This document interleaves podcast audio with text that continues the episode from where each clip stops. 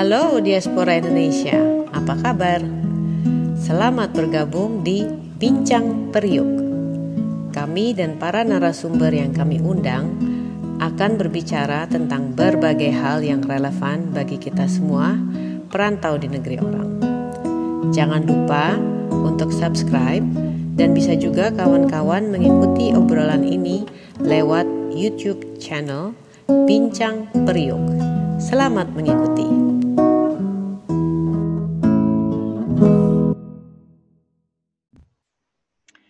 Selamat datang di perbincangan uh, kita kali ini, Bincang Periuk. Saya Enggi Holt dengan narasumber Bapak Denny Haryatna SHMH.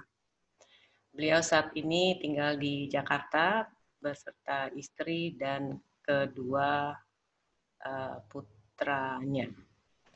Profesi beliau adalah sebagai praktisi hukum, lulusan Universitas Brawijaya, dan untuk uh, S2-nya lulusan Universitas Tarumanegara. Uh, pengalaman beliau adalah sebagai tenaga ahli dan staf di instansi pemerintah dan parlemen Republik Indonesia banyak terlibat dalam proses pembentukan peraturan perundang-undangan dan peraturan pelaksanaannya. Dan selama di DPR RI sering ditugaskan dan ikut serta dalam menjalankan fungsi-fungsi parlemen, terutama dalam mengawasi jalannya pemerintahan di bidang hukum, keamanan, dan penegakan hukum. Pengalaman lain Bapak Denny juga pernah ditugaskan pada perwakilan RI di Yangon, Myanmar. Dan pengalaman ini membuatnya membuka wawasan tentang hubungan internasional, praktik diplomasi, dan membina hubungan dengan negara-negara sahabat. Sebagai advokat, beliau juga banyak menangani perkara pidana dan perdata, dan secara khusus juga banyak menangani masalah-masalah ketenaga kerjaan asing di bidang keimigrasian dan pewarganegaraan. Jangan lupa uh, para pendengar untuk subscribe podcast ini dan perbincangan ini bisa diikuti di Bincang Priuk YouTube channel. Selamat mengikuti. Selamat sore Bang Denny, apa kabar? Kabar baik Mbak Enggi, apa kabar gimana kabarnya England? Hari ini agak-agak mendung Bang, tapi ya gitu deh kalau di Inggris walaupun katanya summer tapi mataharinya sedikit, sedikit apa ya? ya? Iya, kadang-kadang malu-malu kucing. tapi enak adem ya. iya. Jadi gini Bang, langsung aja ya. Kita saat ini uh, berbicara dalam sesi podcast periuk uh, apa namanya Dwi keluarga negaraan di mata para ahli. Jadi kan uh, kalau kita berbicara tentang kewarganegaraan, uh, kita tuh harus mampu uh, untuk membawa alam pemikiran kita kepada hal-hal yang abstrak dan yang non abstrak ya. Uh, terus kita dipaksa untuk melalui perjalanan menempuh ruang batin Undang-Undang Dasar 45 dan juga ikatan sakral seorang Indonesia dengan tanah airnya kita juga diwajibkan untuk mengikuti uh, berbagai macam kepentingan yang tertanam di dalam konsep kewarganegaraan ini. Uh, beranjak dari situ, pastinya Bang Denny tahu ya, konsep kewarganegaraan yang sekarang digulirkan oleh teman-teman uh, diaspora atau teman-teman yang tinggal di Indonesia itu tidak terlepas dari berbagai kepentingan. Contohnya uh, yang dekat dengan hati saya adalah perkawinan campuran misalnya. Jadi uh, kelompok perkawinan campuran uh, di Indonesia tentunya kepentingannya terhadap konsep dui keluarga negaraan ini akan berbeda dengan uh, kepentingan perkawinan campuran yang tinggal di luar negeri. Bahkan antara sesama diaspora pun uh, kepentingannya itu juga berbeda. Ada yang uh, konsep ini sifatnya sangat urgent, dan ada juga yang menganggap ya nggak terlalu urgent gitu ya. Jadi uh, dilihat dari contoh sederhana di atas itu memang uh, menarik sekali nih untuk membicarakan konsep kewarganegaraan ini.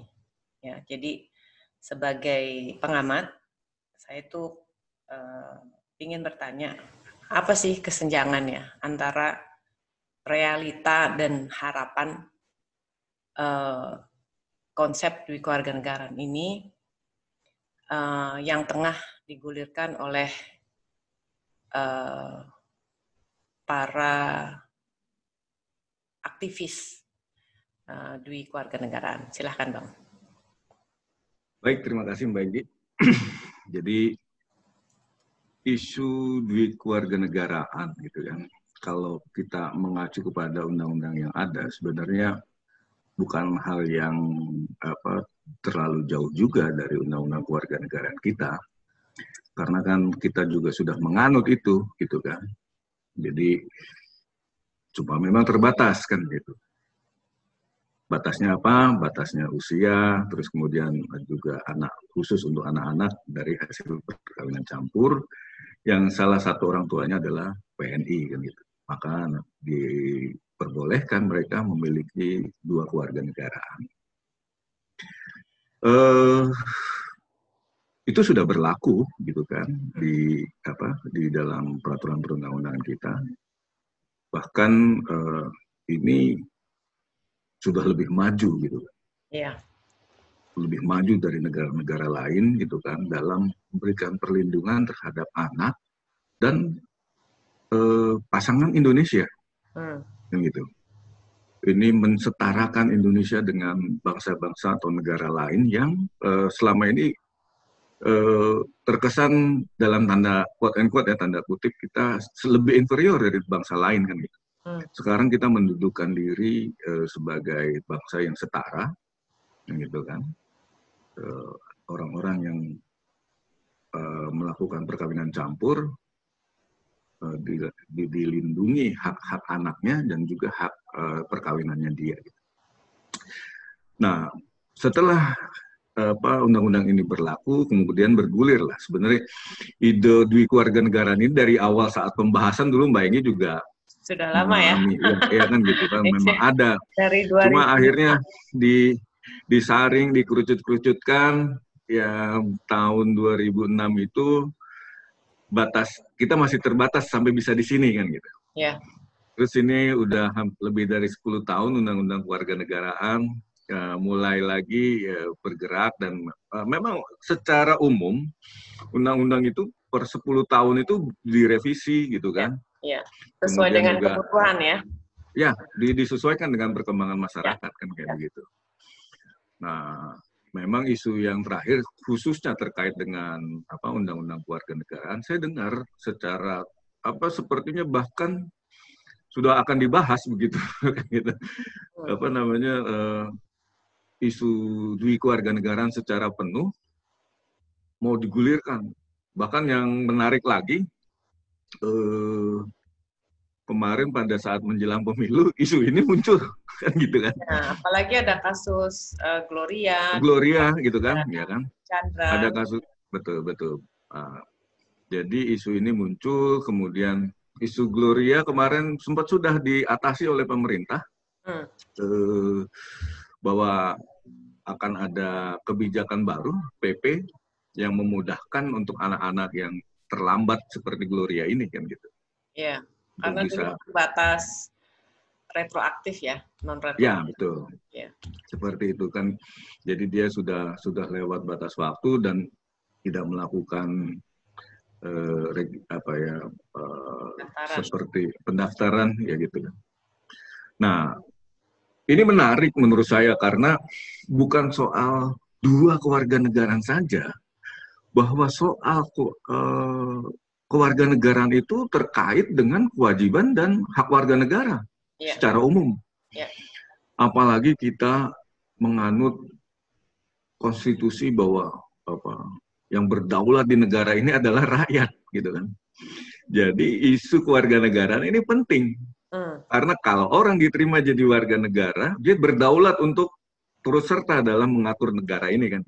Iya, kayak dulu saya ingat waktu pembahasan tuh uh, keluarga negara tuh ibaratnya kunci dari sebuah rumah ya. Iya, syarat negara itu kan ada pemerintahan, ada rakyat kan gitu ya, kan. Ya.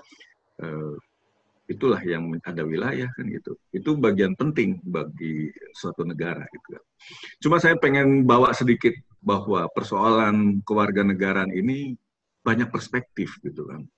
Sehingga uh, wacana atau diskursus diskursus yang apa, ber, apa berkembang di masyarakat di publik baik di Indonesia maupun di luar Indonesia sering kali campur aduk gitu uh, tanpa bisa memilahkan oh ini perspektifnya begini gitu, yeah. gitu, kan, gitu ya.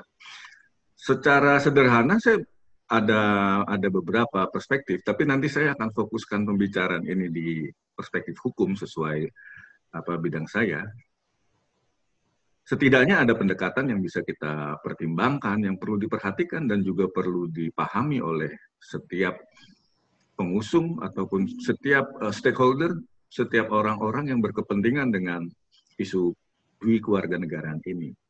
Pertama memang sejarah, saya lihat ya. Ini perlu di, jadi ketika kita bicara tentang keluarga negaraan, ada pendekatan sejarah gitu, yang juga eh, apa namanya meskipun bangsa Indonesia ini telah lama berinteraksi sebenarnya tidak bukan hal baru interaksi uh-huh. antar negara atau antar bangsa itu gitu. cuma memang perlu diketahui bahwa bagaimana bangsa ini terbentuk bagaimana uh, ada negara apa menjadi sebuah in, in, apa entitas gitu kan uh, bagaimana juga uh, ada sejarah tentang penjajahan di masa lalu kan gitu kan yang juga perlu juga, uh, eh, perlu dipahami begitu jadi kalau kita melihat perspektif sekarang harus sedikit kita tarik juga bagaimana bangsa ini terbentuk gitu kan sehingga bisa paham bisa dipahami kenapa persoalan ini berat gitu tadi dalam tanda kutip gitu kan ya untuk untuk untuk bergulir secara ringan. Yeah. Yang kedua pendekatan politik kan gitu ya ini sebuah sebuah perspektif politik juga tadi kan bahwa kalau uh, secara politik ini uh, diterima itu akan tadi yang saya sebut tadi masalah kedaulatan tadi hmm. bahwa di dalam apa konstitusi kita di pembukaan undang-undang itu jelas undang-undang dasar itu jelas bahwa manifesto politik kita itu ada di sana melindungi keluarga apa genap warga Indonesia terus kemudian di situlah uh, apa namanya bentuk susunan pemerintahan Republik Indonesia yang berkedaulatan rakyat berdasarkan Pancasila. Artinya posisi uh, warga negara itu sangat penting kalau dari secara politik. Hmm. Jadi sehingga tidak bisa uh, seringan apa pemikiran atau kebutuhan di lapangan. Wah saya kan pengen uh, supaya traveling gampang gitu. Hmm. kan gitu. Bukan soal soal traveling saja. Kalau orang mau pegang dua paspor itu nih bagaimana? Ngatur kedaulatan rakyat itu kan gitu kan. Karena di situlah mulai masuk kewajiban dan hak setiap warga negara. Yeah. kan gitu. Kemudian perspektif yang uh, lebih uh, general lagi ada juga perspektif ham perspektif ham ya hak asasi manusia. Dan ini kita uh, kalau apa mengacu kepada konstitusi, konstitusi negara modern kita juga ter, sudah sudah mengadaptasi HAM gitu kan. Uh, itu HAM, oke. Okay. Terus kemudian yang uh, bahwa bahkan lebih jelas lagi di dalam konstitusi yang baru kita bahwa masalah hak asasi manusia itu bersamaan diatur di, dengan masalah keluarga, uh, eh, warga negara kalau di konstitusi itu kalau warga negara diatur di bab 10 masalah HAM itu diatur bab 10A. Artinya eh, ini bagian yang sangat penting di, di, di konstitusi saja itu hak dan kewajiban warga negara itu hamnya itu baik yang ham untuk uh, apa warga negara Indonesia maupun penghormatan terhadap ham yang lebih luas tidak hanya warga negara Indonesia saja itu sudah di, dicantumkan di konstitusi kita hmm. itulah yang uh, apa namanya misalkan segala warga negara berkedudukan sama di mata hukum dan pemerintahan, mendapatkan kesempatan, terus uh, yang paling penting di sini adalah juga bahwa ada apa, klausul di Undang-Undang Dasar 45 setiap orang berhak atas status keluarga negaraan. Artinya bangsa Indonesia atau negara NKRI ini Republik Indonesia ini tidak tidak saufit apa tidak menerapkan nasionalisme sempit gitu hmm. kan bahwa silakan uh, setiap orang bahkan ya artinya baik WNI maupun orang asing kalau mau jadi WNI, orang asing mau jadi WNI silakan. Ini ada syaratnya kan gitu kan. Iya, sama. Orang Indonesia cara di mana pun juga. Di mana pun kan begitu kan. Orang Indonesia silakan. Kalau memang dia apa mau pindah warga negara juga boleh. Negara tidak boleh menghalangi kan hmm. gitu. Hmm. Ini karena ini adalah hak asasi gitu kan. Ya. Uh, itu itu juga sudah sudah berjalan. Ini pendekatan pendekatannya. Ya kalau soal ekonomi tadi kita sudah lihatlah Mbak Enggi sebutkan bahwa lalu lintas orang, terus kemudian apa namanya uh, sudah muncul juga apa uh, apa kepentingan-kepentingan setiap negara yang berkumpul di dalam kelompok ekonomi juga ada. Nah itu, nah ini pendekatan sebelum saya memasuk pada pendekatan hukum yang terakhir ya sosial budaya, hmm. Bahwa ini sebenarnya juga yang menjadi faktor penting bahwa ya, artinya bahwa kalau isu di keluarga negaraan ini uh, menjadi lebih uh, apa namanya mencu, apa, mencuat ke permukaan itu karena memang pendekatan sosial budaya. Patut kita maklum apa kita maklumi bahwa ini karena dinamika juga kan bahwa interaksi sosial budaya orang Indonesia dengan orang asing itu semakin tinggi kan ya. Yeah. Sehingga ada kebutuhan itu. Nah, kira-kira itu pendekatan selain hukum. Nanti saya akan juga sampaikan pendekatan eh, menurut hukum bagaimana apa eh, suatu rancangan atau perubahan atas undang-undang keluarga negaraan ini bisa uh, mulus hmm. masuk idenya itu di dalam ya. undang-undang nanti kita jelaskan secara teknis. Ya. Mungkin itu. Ya, jadi uh, memang kisi-kisinya banyak banget ya, Bang. Yang kadang kadang kita juga yang sebagai stakeholder tuh uh, terlewatkan hal-hal seperti itu. Karena yang kita pikirkan hanya ya kepentingan kita sendiri kan. Makanya saya juga melihat uh, penggiat ini kadang-kadang kesenjangannya itu agak sedikit uh, jauh jauh sekali. Nah um, contohnya gini bang uh, banyak diaspora-diaspora Indonesia yang apa namanya yang bekerja sebagai profesional ya dan mereka mempunyai pendidikan yang tinggi dan lain sebagainya. Nah, tadi Bang Denny bilang tentang uh, hak asasi manusia yang tercantum dalam Undang-Undang Dasar 45 ya. Dan salah satunya tuh kalau nggak salah sebagai warga negara kita mempunyai hak untuk mengembangkan diri melalui pemenuhan kebutuhan dasar serta mendapatkan pendidikan dan memperoleh manfaat dari ilmu pengetahuan dan teknologi. Salah satunya juga ada yang untuk meningkatkan kehidupan dan lain sebagainya. Yeah. Maka waktu itu uh, sempat saya berbicara dengan beberapa teman.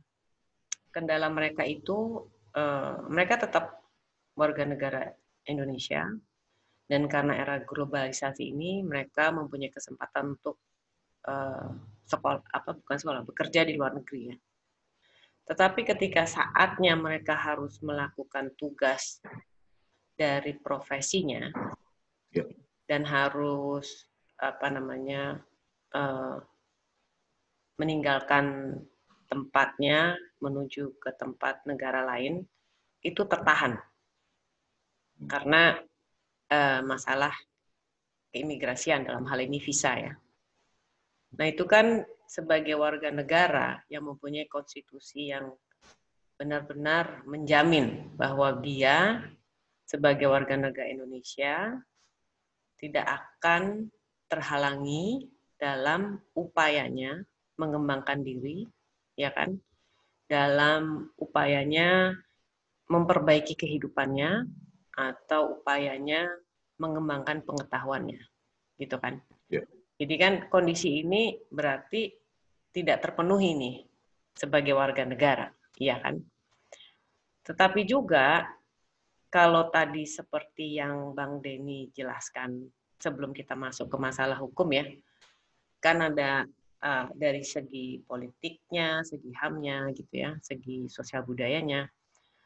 Konsep keluarga negaraan, dwi keluarga negaraan ini kan agak alot nih ya, karena kepentingannya banyak, perspektifnya banyak gitu ya. banyak, ya. Betul.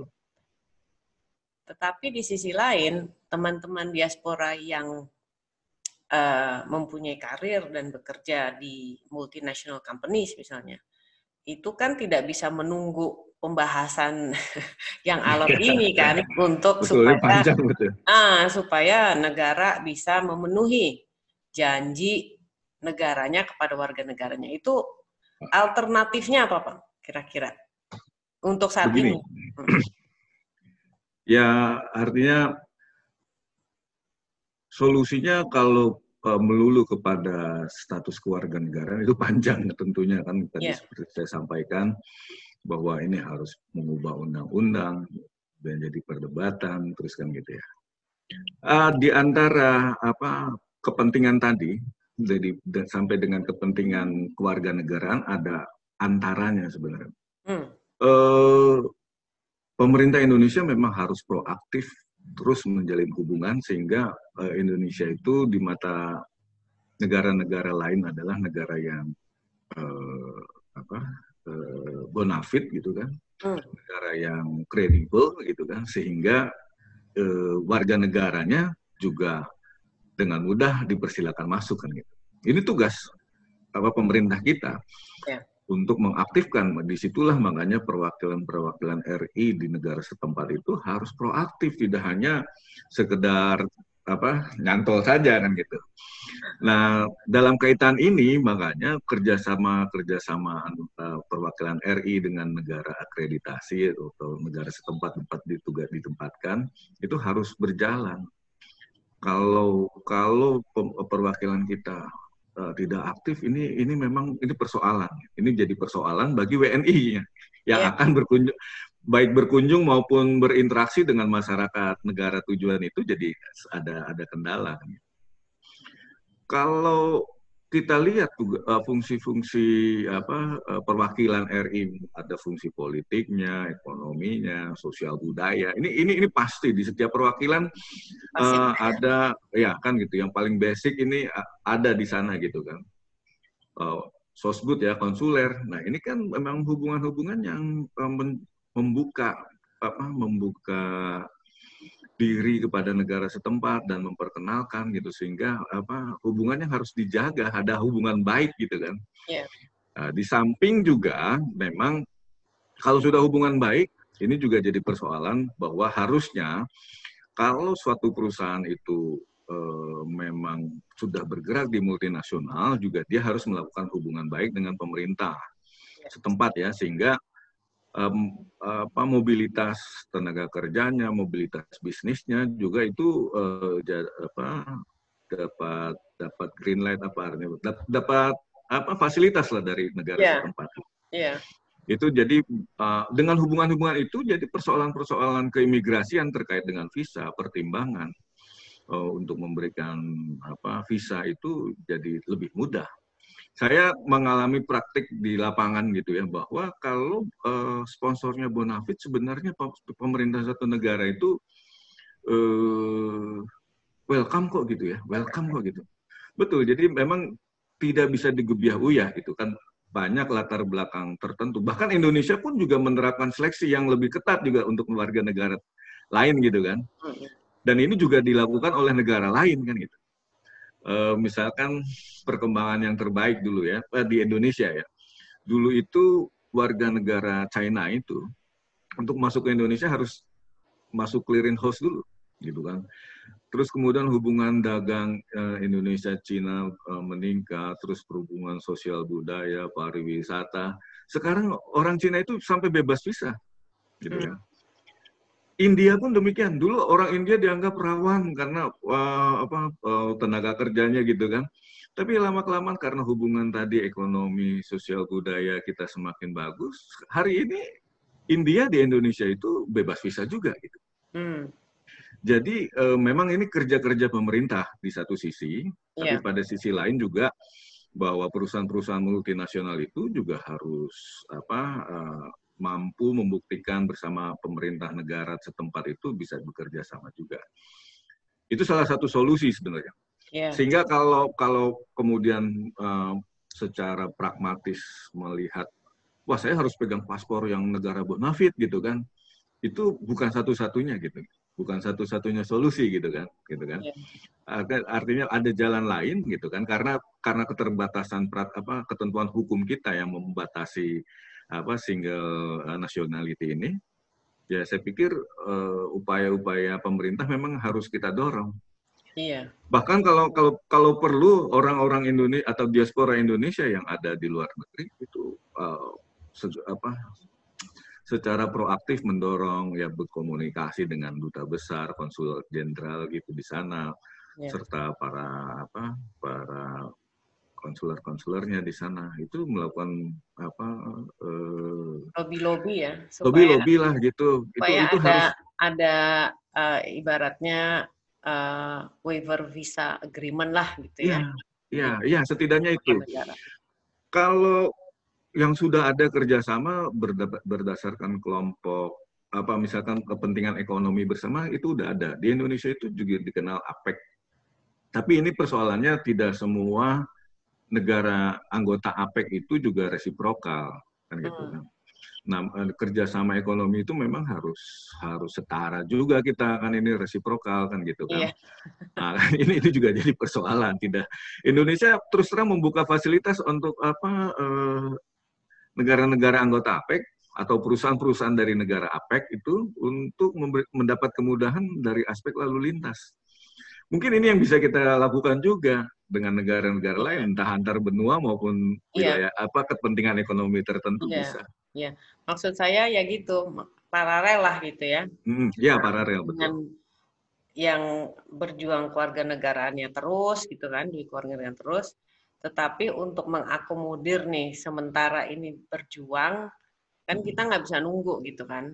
Uh, iya. Tugas-tugas kan terus ada, terus kepentingan, kebutuhan gitu ya. Yeah. Nah ini mungkin dari ya itu itu tadi dari keimigrasian mungkin bukan iya keimigrasian yaitu mungkin dengan bantuan pemerintah atau proaktifnya pemerintah supaya Indonesia dilihat sebagai negara yang aman negara yang mempunyai potensi untuk bekerja sama, ya kan? Makanya ya, ya. Apakah dari segi turisme mungkin kan biasanya gitu ya, atau Betul. memang dilihat banyak tenaga-tenaga ahli di Indonesia dari Indonesia yang mempunyai kepentingan terhadap negara itu, gitu misalnya. Ya atau apalah gitu ya. Jadi mungkin ya, itu apa, kalau kalau saya eh, pengalaman praktik eh, di Indonesia, imigrasi Indonesia, uh mhm. -huh. misalkan sponsor di Indonesia-nya bisa dikenali dan kemudian punya rekor yang baik, imigrasi Indonesia itu uh, tidak rumit juga gitu kan. Yeah. Karena jelas gitu kan. Hmm. Ini yang jadi persoalan kadang-kadang uh, apa institusi swastanya ini juga tidak menampilkan diri yang secara tegas juga gitu kan. Bagaimana bonaviditasnya mereka juga ya uh, jarang berkomunikasi dengan pihak imigrasi setempat. Padahal dia, misalkan saya punya perusahaan, hmm. gitu kan. Saya perusahaan saya multinasional, entah dari aspek tenaga kerjanya, urusan-urusan bisnis saya berkaitan dengan internasional, saya mau nggak mau harus aktif dong, gitu kan. Juga hmm. pem, apa pengusaha-pengusaha swastanya atau perusahaan-perusahaan swasta itu juga harus aktif, gitu kan. Hmm. Karena uh, karena itu imigrasi itu prinsipnya kedaulatan, itu sangat subjektif sekali. Iya. Yeah. Kita bisa alami lah, misalkan banyak kawan-kawan kita di Indonesia mau ke Australia, mau ke Amerika, itu secara subjektif ditolak, tolak aja udah. Yeah. Penjelasan itu hak saya, terserah kan gitu kan. Yeah. Kalau kalau kita temui bahwa persoalan-persoalan apa lalu lintas orang antar negara itu benar-benar uh, apa namanya uh, persoalan kedaulatan negara sehingga kita tidak bisa menanyakan alasannya sebabnya aja nggak punya hak kita gitu kan. Hmm. Jadi di situlah yang apa ya artinya kan kalau misalkan uh, kita bisa punya gambaran kalau perusahaan Amerika ini dia nggak kenal juga ini orang apa mensponsori orang Indonesia uh, yang juga belum jelas, tentunya pemerintah Amerika juga nggak mau berspekulasi kan gitu. Tapi kalau sama-sama apa jelas positioningnya, saya pikir nggak ada kesulitan. Karena di situlah perbedaannya. Kita tidak menyama, tidak bisa menyamaratakan bahwa paspor Indonesia sulit. Persoalannya bukan kadang-kadang bukan soal paspor Indonesia-nya saja gitu. Iya. Yeah. Bagaimana sponsornya juga kan? Iya yeah, betul. Kan gitu. Dan itu, Mungkin itu yang lebih penting ya. Jadi kembali lagi bang tentang hmm. ini uh, belum dijelasin nih soal nah, hukumnya ya. Jadi eh, pendekatan hukum ini kemarin saya dapat isu bahwa udah mau dibahas gitu kan katanya. Tapi saya coba karena kebetulan masih banyak teman-teman di apa di DPR, saya coba tanya kan, eh, benar itu mau ada pembahasan RU apa warga negaraan mau ada DK gitu kan. Bahkan di berita-berita juga sempat muncul kan gitu. Akan ya, itu yang itu yang kita dapat. Nah, ya, kan kayak gitu kan. Tapi kan kalau saya simple saja gitu kan kalau memang ada ada usulan, tentu hmm. draftnya sudah ada kan gitu. Ya. Kan gitu. Naskah akademiknya sudah ada kan gitu. Hmm. Konsepnya konsep yang apa itu sudah ada harusnya kan gitu kan. Ya. Uh, saya tanya kepada uh, ke salah satu relasi saya di di JNPP nggak ada bang gitu kan. Oh, karena dia yang buat semua. Kalau itu draftnya dari pemerintah. Ya. Kalau draftnya itu dari DPR, dibalik juga nggak ada. Gitu. Hmm. Dibalik juga belum ada mengarah pada sana. Jadi sebenarnya ya saya sih simpelnya seperti itu saja kan gitu kan. Kalau memang belum ada draft dari kedua belah pihak, baik dari usulan DPR maupun usulan pemerintah, ini ya hanya wacana saja. Ya, ya. Tapi saya bisa maklum juga bahwa karena pasti ini rumit merancang dua keluarga negaraan. Iya. Gitu. Ini hal yang sangat rumit karena apa? E, di antara pengusul saja kita kita tentukan siapa sih subjeknya yang bisa gitu. Iya. Nah gitu kan. Itu pertanyaan penting. Apakah setiap WNI bisa gitu kan? Mengajukan di keluarga negara? Apakah hanya yang di luar negeri? Apakah yang include di Indonesia juga kan gitu kan? Iya. Ini menentukan subjeknya aja. Uh, saya coba tanyakan kepada teman-teman aktivis yang mengus apa, mengusung usulan ini, kebanyakan ya pragmatis tadi. Padahal kalau undang kalau mau dituangkan dalam undang-undang, pertanyaan-pertanyaan itu harus bisa dijawab. Dan harus Subjeknya jelas. Siapa? Ya. Harus jelas gitu kan terukur. Hmm. Kan gitu terukur. Apakah nanti mau dibikin DK terbatas lagi? Terbatas dalam pengertian yang lain gitu kan. Yeah. Kita sudah menerapkan terbatas untuk anak-anak. Kan gitu. Apakah nanti mau dibatasi lagi, mau yang bentuknya kayak apa gitu kan? Jadi kayak di gitu. keluarga negaraan terbatas terbatas. Ah, kan gitu. Maksud saya misalkan misalkan terbatas hanya perkawin, pelaku perkawinan campur saja gitu kan. Yeah. Wah nanti yang yang bekerja teriak, kok yeah. juga kan gitu kan? Kan itu juga jadi apa? Jadi hal-hal penting yang perlu juga para pengusul itu menuangkan ide-idenya itu eh, dalam kertas kerja yang atau bahkan ya syukur kalau bisa dengan riset yang lebih dalam lagi itu bagus hmm. sehingga nanti naskah akademik itu mampu memberikan argumentasi yang gamblang hmm. tentang usulan ini kan gitu itu baru satu dari aspek subjek WNI-nya. Yeah. Subjek WNA-nya yang mana gitu. Mm -hmm. Kan gitu. Siapa WNA mana yang bisa dapat dua warga negara dengan Indonesia? Itu juga penting.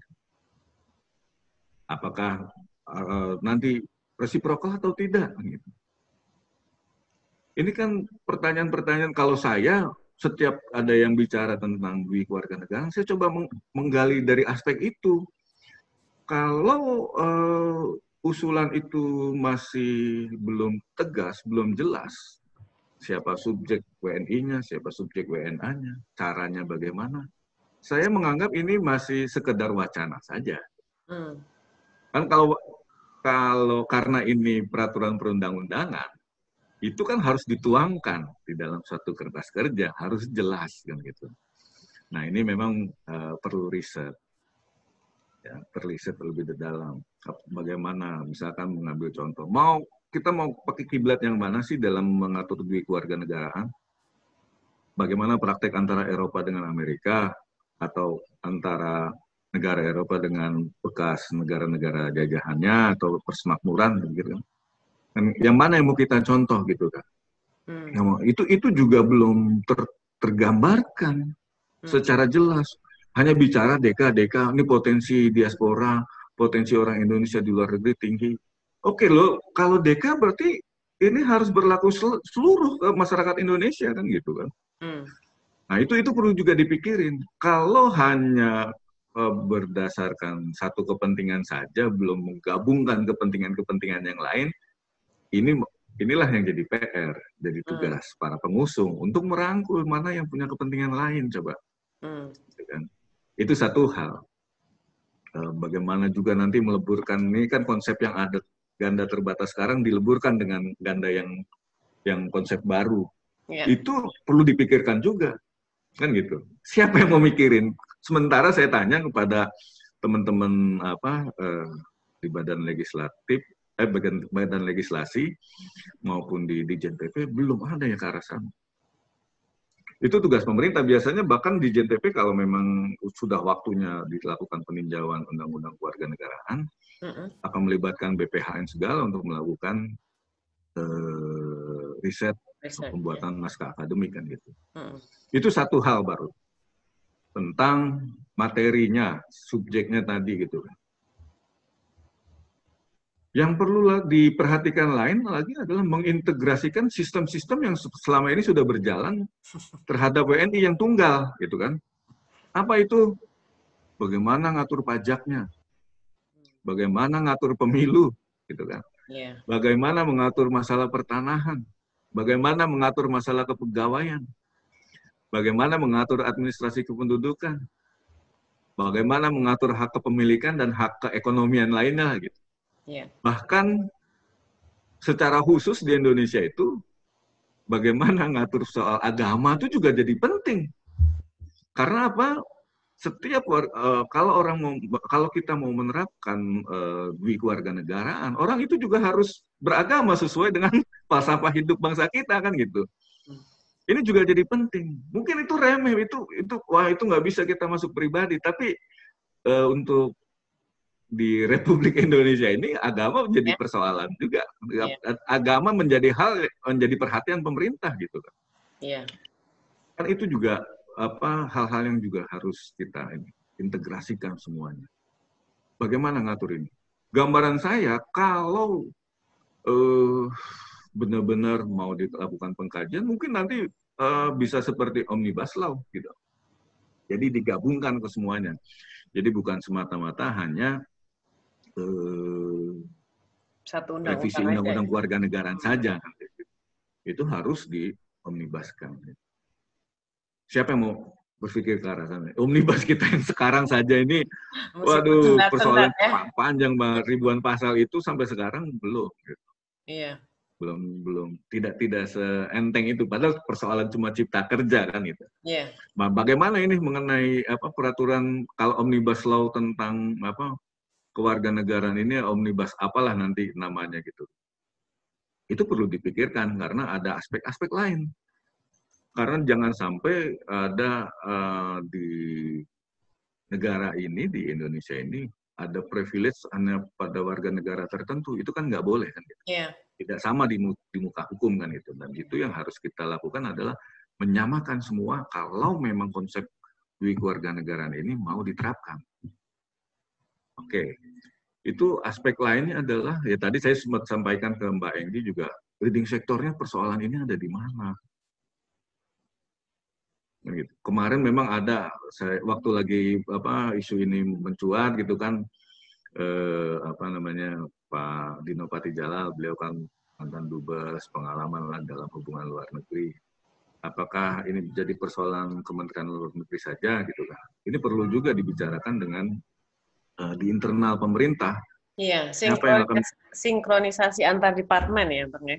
Ya, betul, betul, betul. Siapa yang akan memimpin eh, apa pembahasan ini sebagai leading sector kan gitu. Mm -hmm. Kalau nanti misalkan diserahkan kepada Menko, silakan gitu kan, di bawah koordinasi Menko kan nanti bisa. Ini kan perlu juga artinya ini secara teknis pembentukan peraturan perundang-undangan ya Bang G ya. Iya, iya. Saya sebutkan tadi kan gitu mas subjeknya, terus kemudian uh, materi undang-undang lain, terus kemudian leading sektornya. Ini perlu ini perlu untuk uh, dipikirkan. Bukan hmm. sekedar bicara dua saja gitu kan. Yeah. Dua dua yang bagaimanapun juga perlu kita. Tadi saya, saya apa uh, saya sampaikan kita mau mengacu pada model yang mana sih di dunia ini misalkan? Banyak model saya pikir ya, duit keluarga negaraan juga di dunia kan nggak selalu sama gitu. nggak semuanya sama. Nah ini yang terpenting terakhir ah yang lainnya lagi mbak Egi tadi saya sampaikan bahwa di Indonesia ini sedikit punya ciri yang khas bahwa kita punya fundamental norm yang itu yang disebut Pancasila itu kan Eh, menanamkan falsafah Pancasila ini di warga negara-negara lain itu gimana caranya saya belum dapat modelnya gitu Mbak Egi. Uh, sementara di Indonesia ini jadi perdebatan hmm. persoalan Pancasila, komunis segala kan. Yeah. Saya nggak ngebayangin kalau ini kemudian uh, jadi diusulkan bahwa pengusung juga harus mampu mereduksi persoalan-persoalan ini ya, kan gitu. Harus harus kan kayak begitu. dari segala bidang ya. Iya, nah betul. Ini juga perlu kita pikirkan. Misalkan apa kalau kita kemudian resiprokal dengan negara yang apa eh, landasan falsafah hidup bangsanya komunisme kan gitu. Ini kan juga jadi soal. Misalkan meskipun orang Indonesia banyak di sana kan gitu, yeah. kan gitu. Apa ya itu itu yang perlu jadi ini. Terus uh, artinya apa? Dari kesemua ini kita harus mampu mengkerucutkan apa sih yang jadi goal gitu kan. Kan nggak semua hal itu goalnya harus bisa kita rebut ya. Misalkan di, di proses pembahasan undang-undang yang lalu, undang-undang keluarga negaraan yang baru itu, itu 2006, kan kita ada juga goalnya yang penting adalah perlindungan terhadap anak, apalagi kalau sebelumnya banyak kasus-kasus perlindungan terhadap perempuan juga bahwa orang apa perempuan Indonesia yang menikah dengan orang asing kan gitu kan karena sistem apa undang-undang keluarga negaraan yang lama mengikuti suami, anak mengikuti ayahnya, nah kan gitu. Kita Dan ubah. Itu jelas, gitu. jelas tertulis jelas. di undang-undang terlanggar, ada, ya. ada pelanggaran hak. Betul, betul. Apal, apalagi kita sudah reformasi era itu kan gitu. Ya. Jadi uh, penerapan HAM juga pas gitu. Ya. Jadi perlu dirumuskan kembali goalnya apa gitu kan. Mau yang berlaku luas gitu kan mau subjeknya siapa saja, ini perlu gitu.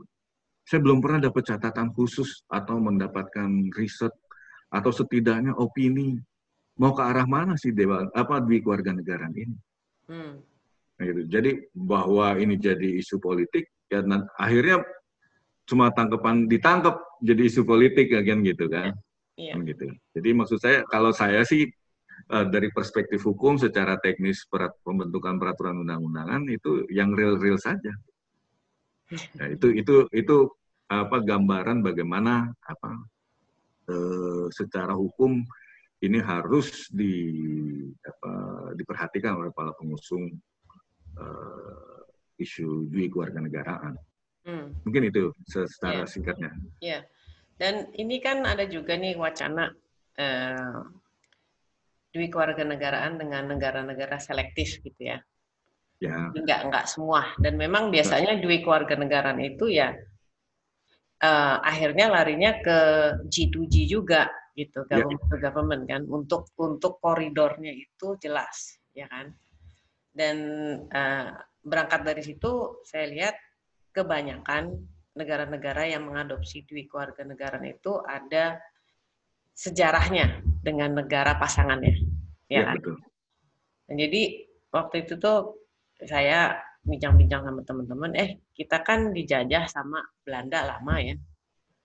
Sebelumnya dijajah oleh Portugis dan Inggris gitu kan. Uh, dan Jepang. Nah, gimana misalnya nih, karena kita mempunyai sejarah itu, uh, bisa nggak ya gitu mau nggak ya kita ambil poros itu gitu jadi kita uh, mengangkat pembicaraan ini kepada negara-negara tujuan tersebut memang yeah. ada nanti sebagian uh, diaspora Indonesia yang tidak masuk dalam list itu gitu kan yeah, yeah. dan itu memang gimana ya ya memang kita memang tidak bisa membuka Indonesia seluas kayak ibaratnya buka rumah terus semuanya boleh masuk gitu kan. Ya, ya, ya kan? ya. nggak mungkin juga betul, gitu betul. kan? Kita harus memilih-milih gitu. Nah itu kira-kira ada nggak bang kemungkinan gitu ya? Kemungkinan paling minimal sampai ke tahap pembahasan deh gitu Jadi nggak nggak cuma wacana aja. Kalau sekarang kan wacana, wacana, wacana gitu ya. Yang sekarang kan yang kita perlukan, ayo dong kita bahas ke tingkat yang lebih tinggi gitu ya. Sehingga kita juga mempunyai pemasukan-pemasukan. Oh ya ini ini yang kurang, ini yang gitu loh. Kita juga diaspora tuh juga mengerti. Oh berarti yang ini nggak cocok ya konsep ini. Kan kita saling mencari nih. Dan tujuan akhirnya kan memang untuk kepentingan warga negara Indonesia dan negara Indonesia itu yang paling ya, ya. utama gitu kan di atas segalanya sehingga seperti kata Bang Denny tadi kalau undang-undang ini berlaku ya untuk semua gitu nggak bisa hanya untuk si Enggi saja hanya untuk si Denny aja gitu kan nggak ya, bisa gitu. jadi kira-kira uh, pendapat Bang Denny gimana tuh kalau misalnya kita setelah dikerucut-kerucut akhirnya oke okay, seleksi negara-negara tertentu yang memang mempunyai sejarah dengan bangsa Indonesia, apa pun sejarah itu. Gitu. Oke okay, oke. Okay.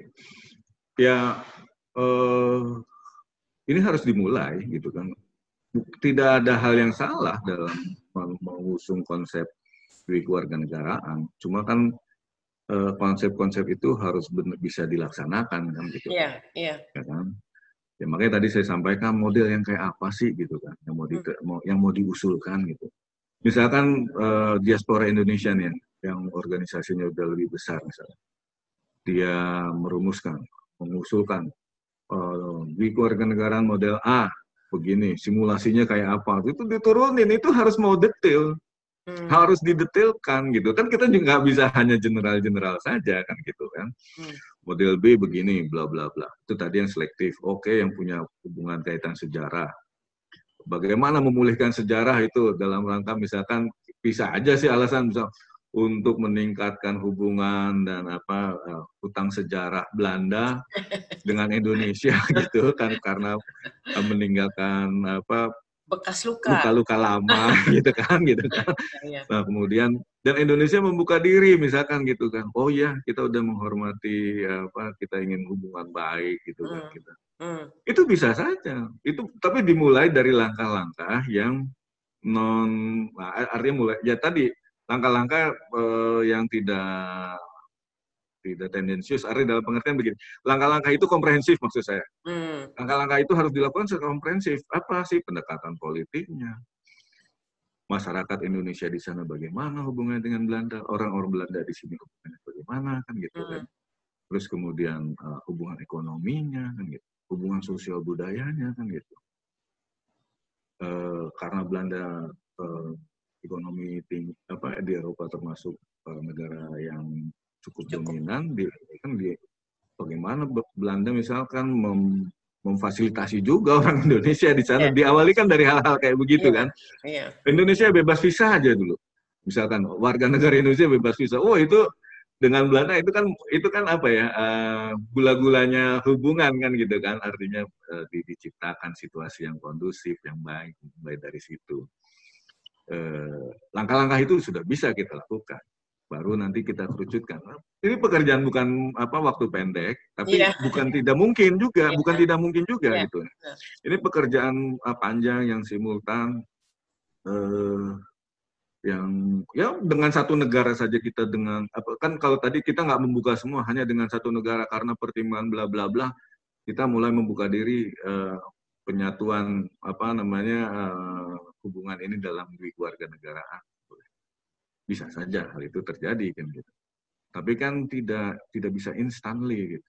Ya, ya itu itu instan. itu sangat saya sadari waktu itu hmm. karena ini akan merubah semua tatanan perundangan Indonesia juga dan biayanya itu, itu akan mahal dan ya, memang akan lama. Nah, kosnya mahal betul betul itu sangat betul karena ya tadi harus banyak mengubah undang-undang yang lain juga tapi uh, it's okay, yang penting ada, yaitu politik hukum kita udah mengarah ke sana atau belum. Ini juga patut dipahami oleh eh, para pengusung apa, di keluarga negara ini bagaimana politik hukum kita itu dirumuskan misalkan udah mengarah kepada lebih terbuka karena tadi hubungan ekonomi, sosial hmm. budaya itu harus harus ada yang mampu mempengaruhi itu gitu. Kan gitu. Mulai-mulai dari hal-hal yang ya sederhana gitu kan. Harus ada yang mampu merumuskan bahwa Indonesia arahnya ke depan seperti ini. Ini political will gitu, political politik hukum kita gitu. Nah, meskipun itu akan mengalami perdebatan nggak ada soal, itu dibahas saja. Nanti kan ada objektifikasinya kan dari dari hasil perdebatan itu. Yang tadi saya sebut harus dirumuskan goalnya. Mau, seperti apa sih gitu. Ini bentuknya yang kayak apa sih? Ini mau bulat, mau kotak, atau mau lonjong gitu kan? Hmm.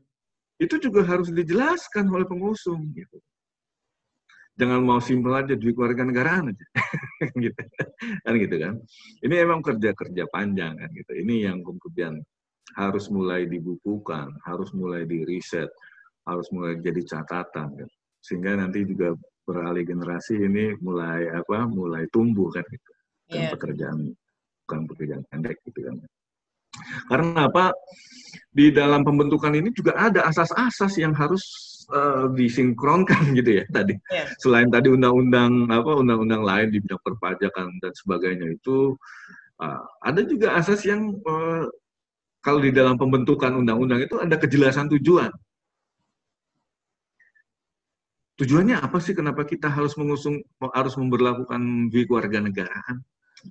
Kalau tadi yang uh, di undang-undang yang sekarang berlaku ini, oh kita mau lindungi anak-anak hasil perkawinan campur. Oh, kita mau lindungi perempuan Indonesia. Haknya sama dengan laki-laki kan gitu. Jelas tujuannya. Kalau misalkan dui keluarga negaranya akan diusung ini, oh tujuannya supaya misalkan uh, memudahkan uh, orang Indonesia itu uh, berlalu lintas antar negara, memudahkan mereka me, apa, mendapatkan akses ekonomi ke negara lain. Ya silakan saja dirumuskan. Itu harus harus jelas, jangan malu-malu gitu kan. Kalau tujuannya ekonomi, sampaikan ekonomi, gitu kan. Kalau tujuannya sosial budaya, sampaikan, gitu kan. Jadi harus terukur yang saya maksudkan. Oh supaya meningkatkan apa uh, income in orang-orang Indonesia kan gitu. Atau kalau dari sosial budayanya supaya ex WNI yang ada di luar negeri juga uh, bisa ikut turut membangun. Itu kan itu bisa jadi satu alasan. Hmm. Cuma dirumuskan. Ini yang belum belum ketemu kan ini, belum ketemu perumusannya apa. Terus uh, ya tadi uh, dapat dilaksanakan. Hmm. Itu yang terpenting tuh. kan gitu. Dan itu juga harus terbuka. Itu ini prinsip kalau di dalam undang-undang apa pembentukan peraturan perundang-undangan itu jelas asasnya terbuka, nggak bisa ujuk-ujuk gitu kan. Karena kalau enggak itu bisa di judicial formal. Kalau tahapannya itu tiba-tiba misalkan nggak ada naskah akademik nggak pernah dibahas oleh apa institusi yang melakukan pembahasan undang-undang itu bisa dibatalkan juga karena for, tidak memenuhi as formil kan gitu. Kan gitu artinya apa supaya ini hukum ini hukum tentang keluarga negaraan ini tuh berlaku ya secara filosofisnya mengena secara sosiologisnya itu jalan dan secara hukumnya secara yuridisnya ini bisa berlaku kan gitu inilah daya ikatnya ada kuat gitu. Hmm. Nah, menurut saya itu PR PR besarnya teman-teman di maaf minum sebentar mbak Iya. Yeah. Iya, jadi PR-nya itu PR kita. Hmm. Hmm. PR kita bersama itu kayaknya ya. Iya, ya.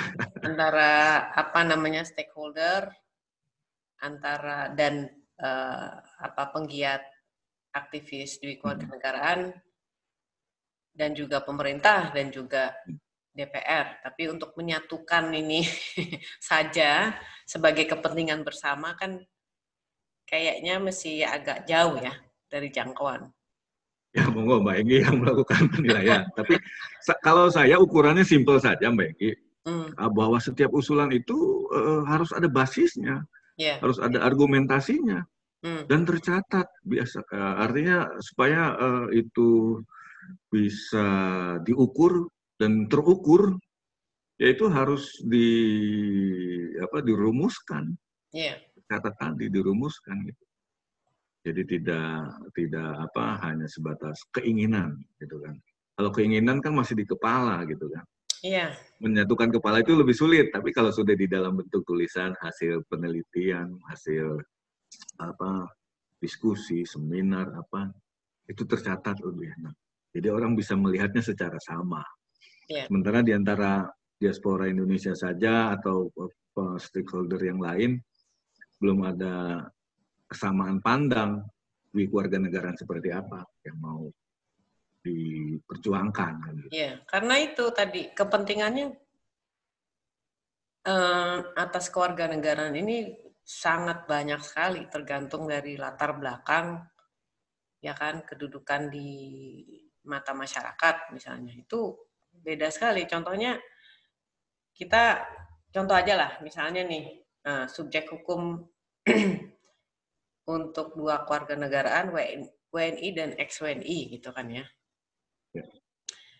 XWNI-nya saja itu ada beberapa kelompok. Contohnya, XWNI eh, anak-anak yang dulunya WNI. Yeah. Ya kan? Itu ada permasalahan tersendiri. Atau XWNI yang misalnya karena korban politik ya, dulu pada okay. lari apa segala macam atau ex-WNI yang melepaskan kewarganegaranya karena keinginannya sendiri. Ya. Iya kan? Da, itu aja kan banyak iya, sekali ya, begitu kan. Uh, jenisnya itu banyak sekali gitu. Jadi memang uh, saya kadang-kadang kalau berpikir tentang duit keluarga negara nih, ini mulainya dari mana ya? ya se sebenarnya begini Eh, saya kebetulan terlibat langsung di dalam pembuatan undang-undang keimigrasian. Hmm. Mbak Inggi juga waktu itu juga uh, kebetulan lagi masih di Indonesia kan juga apa ikutlah memberikan sumbang saran dan masukan kan. Uh, secara keimigrasian untuk para ex-WNI atau diaspora Indonesia, sebenarnya kalau uh, mereka mau kembali ke tanah air atau mau membangun Indonesia, itu tetap ada peluang Yeah. Kenapa? Dimudahkan uh, proses repatriasinya kah atau mau tinggal aja di Indonesia atau mau pensiun di Indonesia selamanya nggak ada soal gitu. Itu ada fasilitas keimigrasian dan izin tinggal tetap.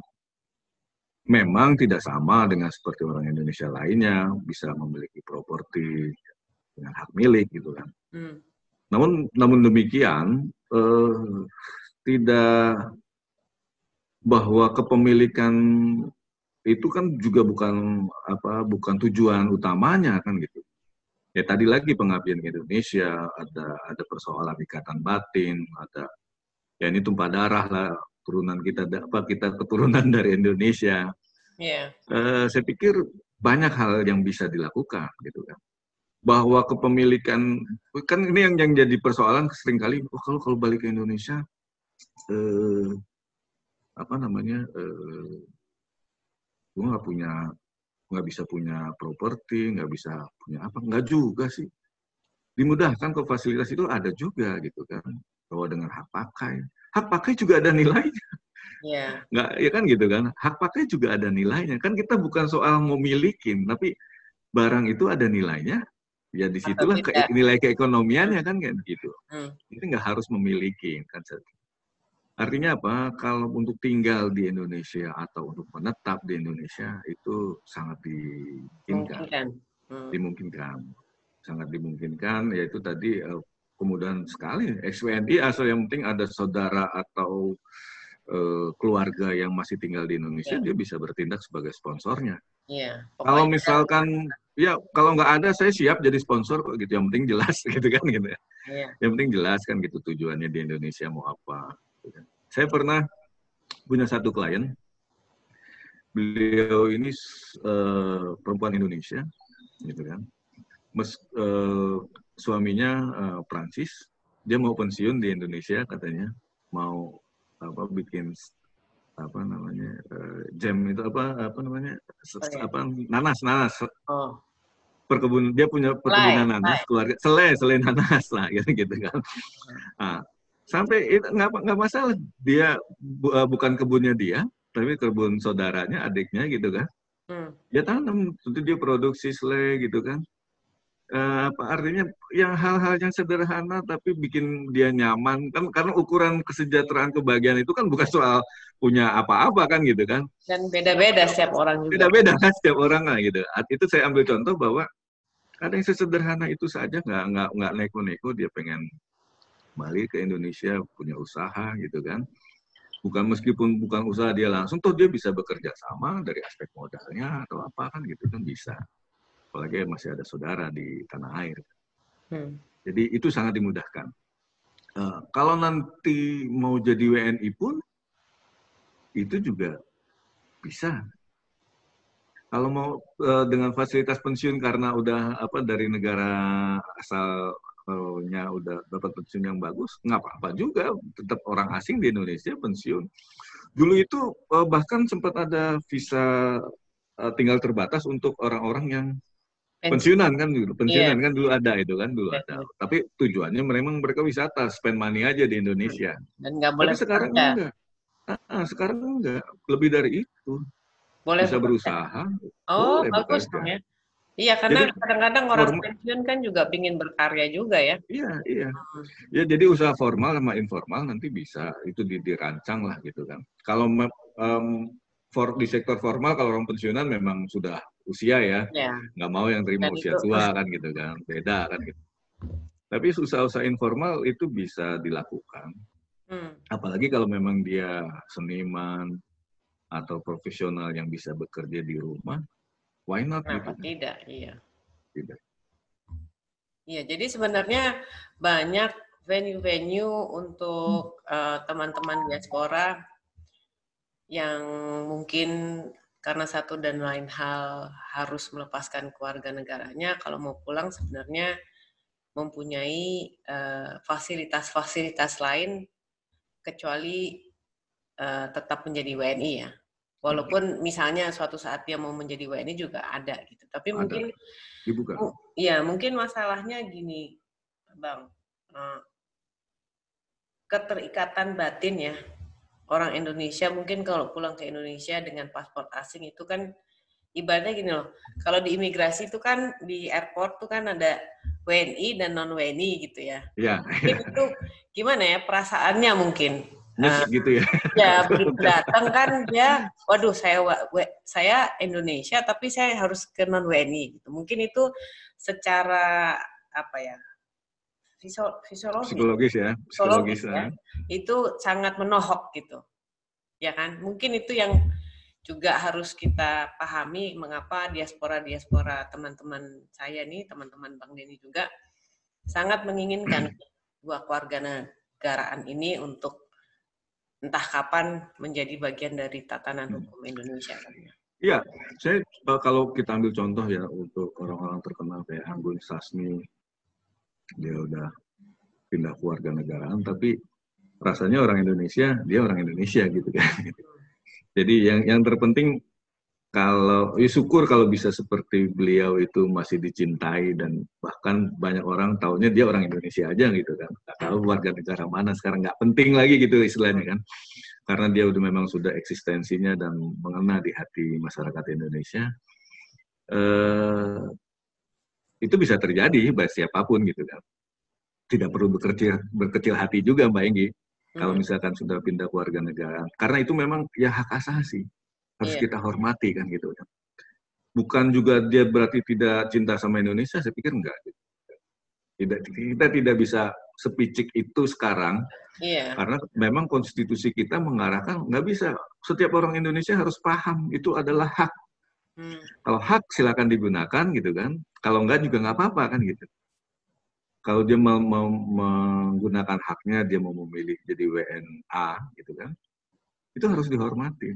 Dan pemerintah juga harus memberikan jalan kan gitu kan. Iya.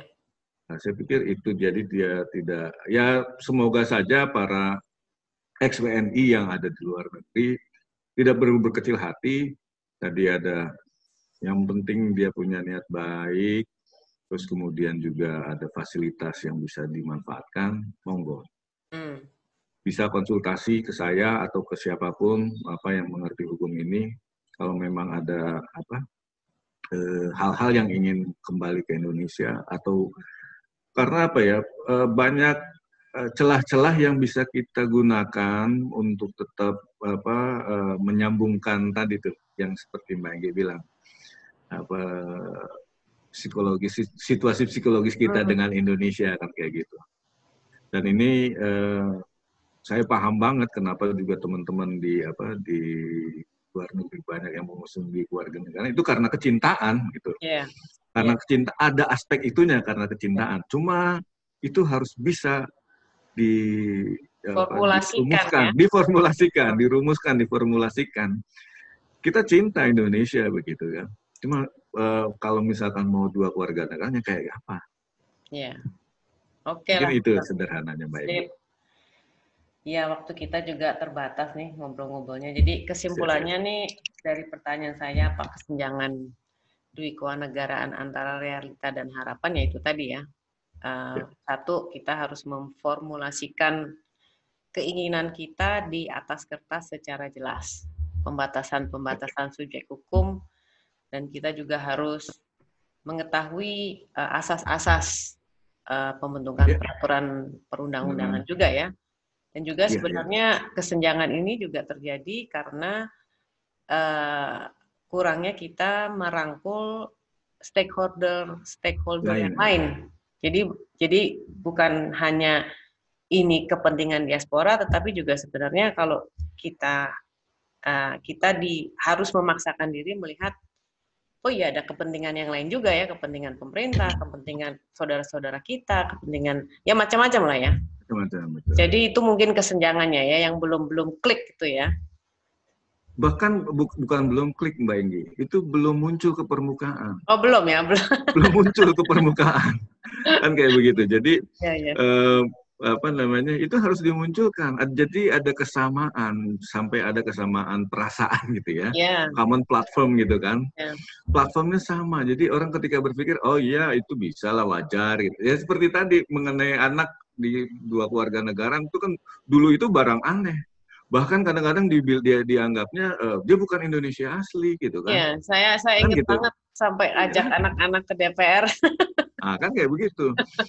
uh, kalau dari lahirnya dia WNI, meskipun dia menyandang warga negara lain, itu sampai misalkan satu saat dia mau apa dia memilih WNI, dia tidak disebut uh, bukan WNI asli, gitu kan. Yang penting dari lahir WNI kan gitu, dan hmm. dia punya hak yang penuh gitu sebagai WNI, bahkan mungkin satu saat uh, bisa jadi presiden juga. Dan saya ya. akan menjadi saksi bahwa menurut hukum itu dia adalah Indonesia asli. Iya. Gitu kan. kan kayak begitu. Jadi itu yang perlu dimunculkan ada persamaan apa uh, platform gitu. Hmm. Dan juga bagaimana para pengusung ini mampu merumuskan tadi. Hmm. Hmm. Yang penting itu sih menurut saya ya. Oke deh bang. Uh, bisa saya kasih lagi gambaran. Bagaimana misalkan diaspora Indonesia itu juga mampu merangkul para pekerja migran itu juga penting harus dikomunikasikan gitu kan. Dan e, karena dalam konteks apa politik atau apa namanya kesamaan perasaan tadi kita harus juga banyak merangkul. Hmm. mereka perlu didengarkan juga itu menurut saya. Iya iya. Benar. Ya, ya. mungkin itu mbak Egi. PR ya. PR, PR. terima kasih atas waktunya untuk perbincangan ini Semoga diaspora Indonesia yang sempat mendengar perbincangan ini di podcast Bincang Periuk dapat memetik uh, ilmu uh, yang dan pengalaman yang dipaparkan oleh Bang Denny hari ini. Uh, tetap tunggu siaran-siaran podcast Periuk berikutnya. Terima kasih untuk mendengar dan salam diaspora.